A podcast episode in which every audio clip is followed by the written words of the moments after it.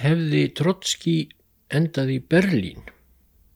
Þetta er þriðja flækjusagan um styrjaldir sem russar hafa háð við nákvæmna sína í vestri. Ég hef verið að kanna hvað sé hæfti þeirri þjóðsögu sem russar og stuðningsmenn þeirra halda gætnan fram að russar hafi sífelt og einlegt mátt þóla grimmar innrásir úr vestri og vesturlönd hefði alltaf viljað þeim ílt og það sé skýring á Úkrænustríðinu.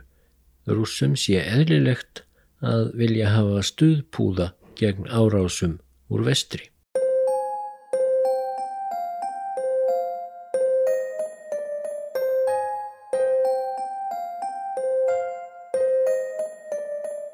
Ég er nú komin fram á 20. stöld í leitminni að staðfestingu á þeirri trú margra rússa og stuðningsmanna þeirra að þeir hafi í gegnum aldirnar mátt sæta sífældum innrásum úr vestri þar sem grimmir óvinnir lögðu sig fram um að leggja undir sig Rúsland að meira eða minna leiti og eigða rúsneska ríkinu og jáfnvel sjálfri þjóðinni.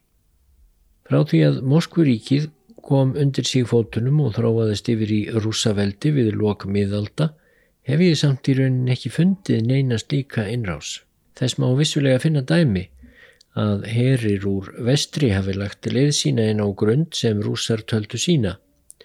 Pólverjar komu 1610, Svíjar 1708-9, Napoleon 1812, svo má nefna Krímstríðið 1854-6 en þegar að var gáð þá hafðu þær sérstöku hernaðaraðgerðir, ef svo má segja, allar skýran pólitískan tilgang og hafðu ekki það markmið að ná raunverulegum völdum yfir Rúslandi sem slíku.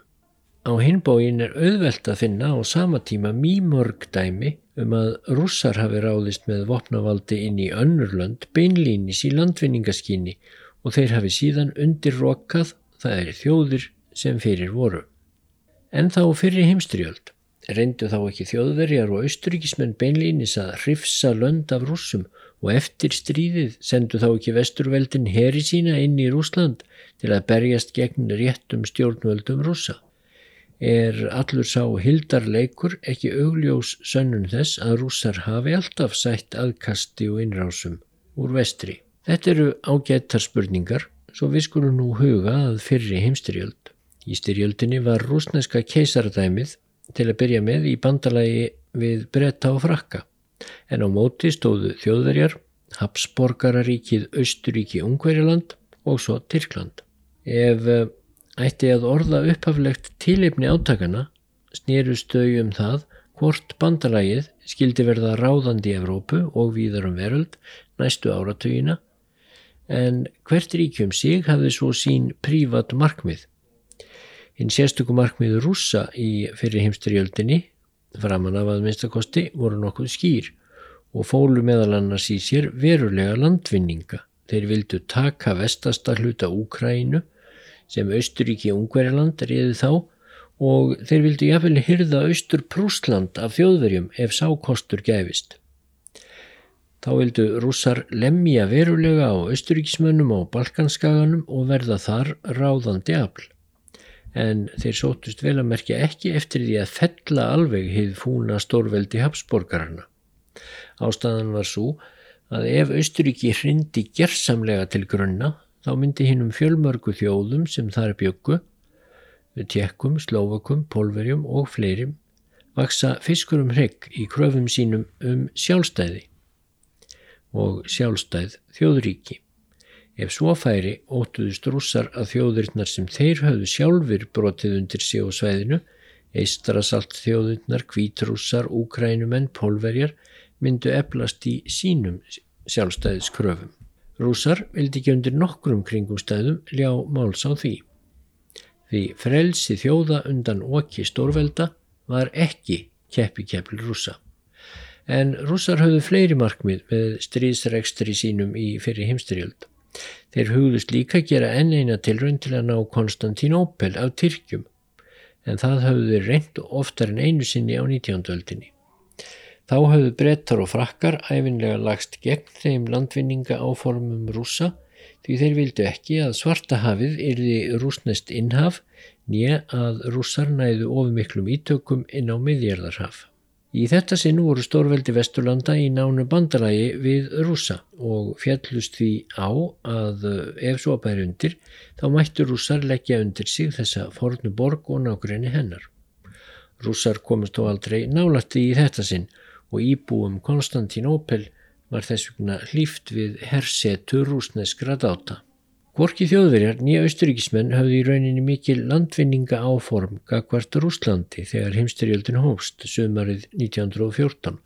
Austuríkismenn vildu umfram allt bara lifa stríðið af og þjóðverjum var meira umhugaðum að trista stöðu sína sem efnahagslegt og pólitíst stórveldi heldur en endilega að afla nýra landsvæða.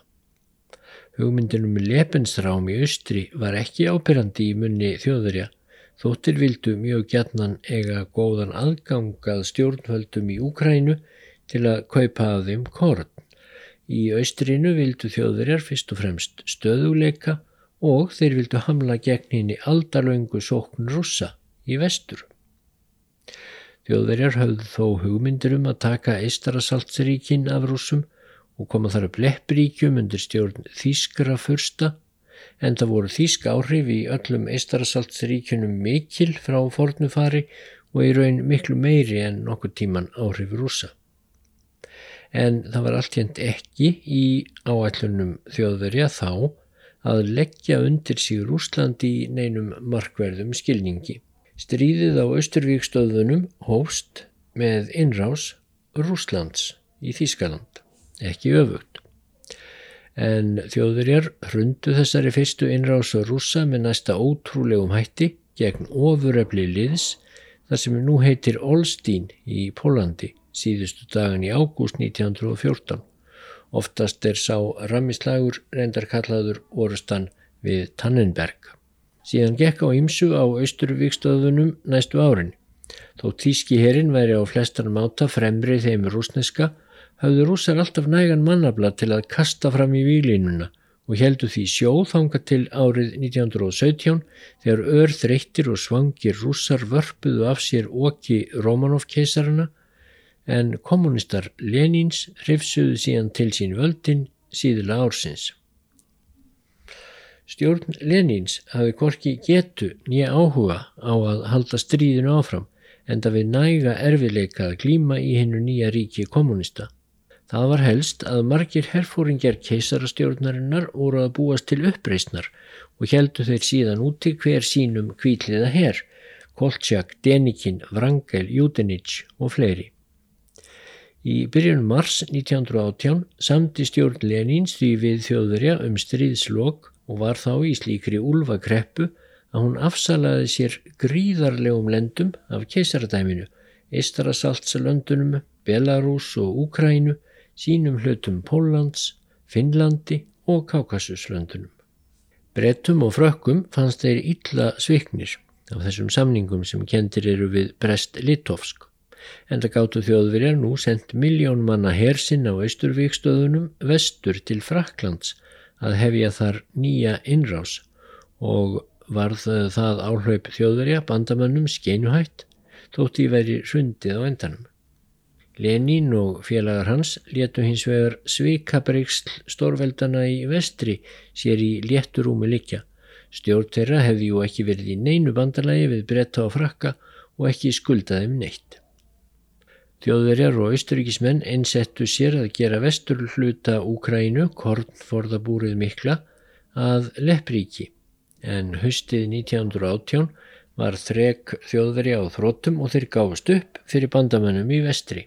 Þær lendur af Rúslandi sem þjóðverjum og austuríkismannum hafðu fallið í skaut samkvæmt Brest-Litovsk samningnum urðu nú bitbein rauðahersins, kvíliða þjóðana sem byggu á svæðunum og svo herflokka sem brettar bandaríkjumenn, frakkar og fleiri sendu á nokkra staði 1919 til að hjálpa til við að reyna að hveða stjórn Lenins í Kútin. Því er gætnan haldið fram af stuðningsmönnum rúsa og sérilegi rúsa stjórnar að þessar innrásir herrflokka hinn að gömlu bandamanna þjóðar Rúslands séu til marksum sveik þeirra við rúsnesku þjóðina, yfirgang og kúun og ég veit ekki hvað og síni að rússar eigi sér æfinlega ílsvon úr vestri. Í þessu sambandi er samt á ímislegt að líta. Í fyrsta lagi voru þetta sveik, það er alltaf hægt að segja.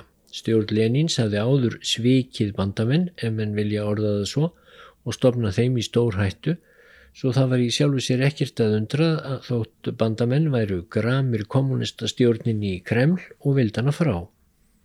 Í öðru lagi, árið 1919 var alls ekki gefið að lítamætti á stjórn Lenins sem gildan fulltrúa rúsnesku þjóðarinnar.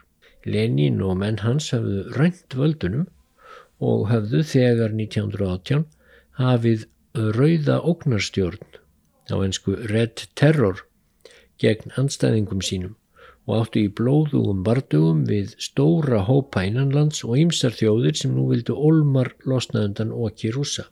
Vesturveldin gáttu hæglega litið svo á og gerðu það líka að þau væru að aðstóða rúsa við að losa sig undan nýju okki kommunista og vesturveldin ætluðu alltjent alls ekki að leggja Rúsland undir sig en það voru herflokkar þeirra reyndargíska fámennir allir saman og ekki mikil smegnugir þegar til kom.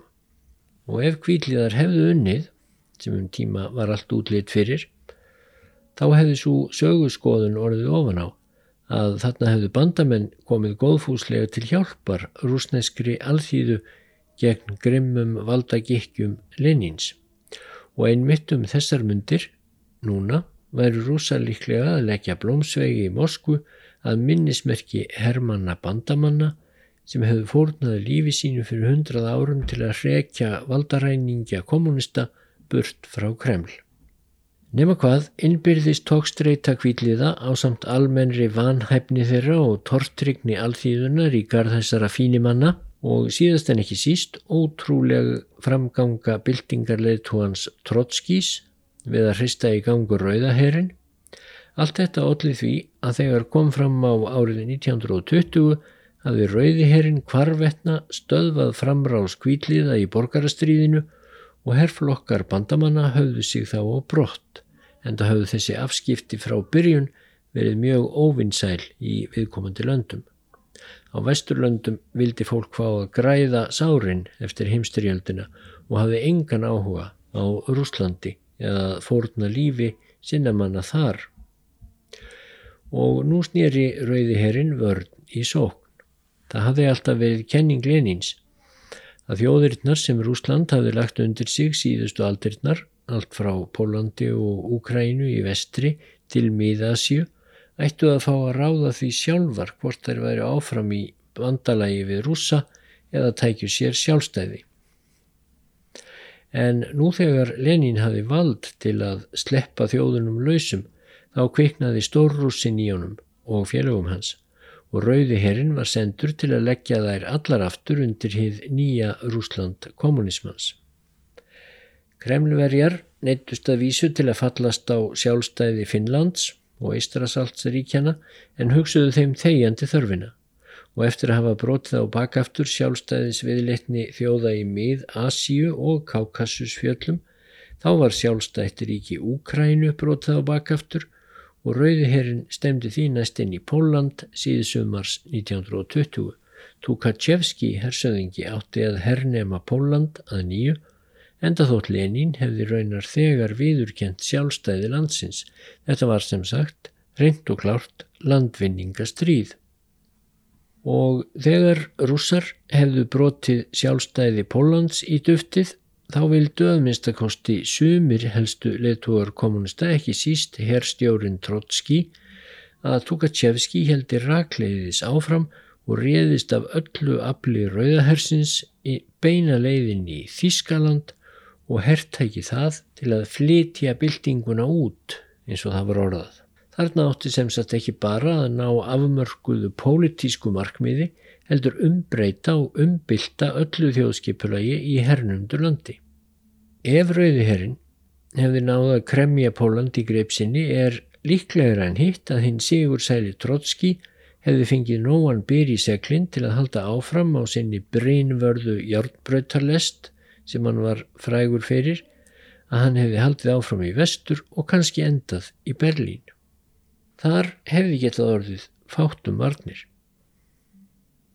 En svo fór þó flestum óvart að Tukachevski var stöðvaður við Varsjá og hrakinn tilbaka. Pólverjar kalla þetta kraftaverkið við ána visslu. Rússar náðu því ekki Pólandi nýja Þýskalandi en urðu að setja sig við Úkrænu alla og Bessarabíu eða Moldófu. En sjáu þið enn einhver merki þess að veslingsrússarnir hafi alltaf ár og síð mátt hýma í stöðu og móta við innrásarheri mikla og grimma úr vestri sem komnir voru til að nýða í svaðið inn að heilugu rúsnesku sál. Hvar eru dæmin um það? Þau eru ílfinnanleg en þá.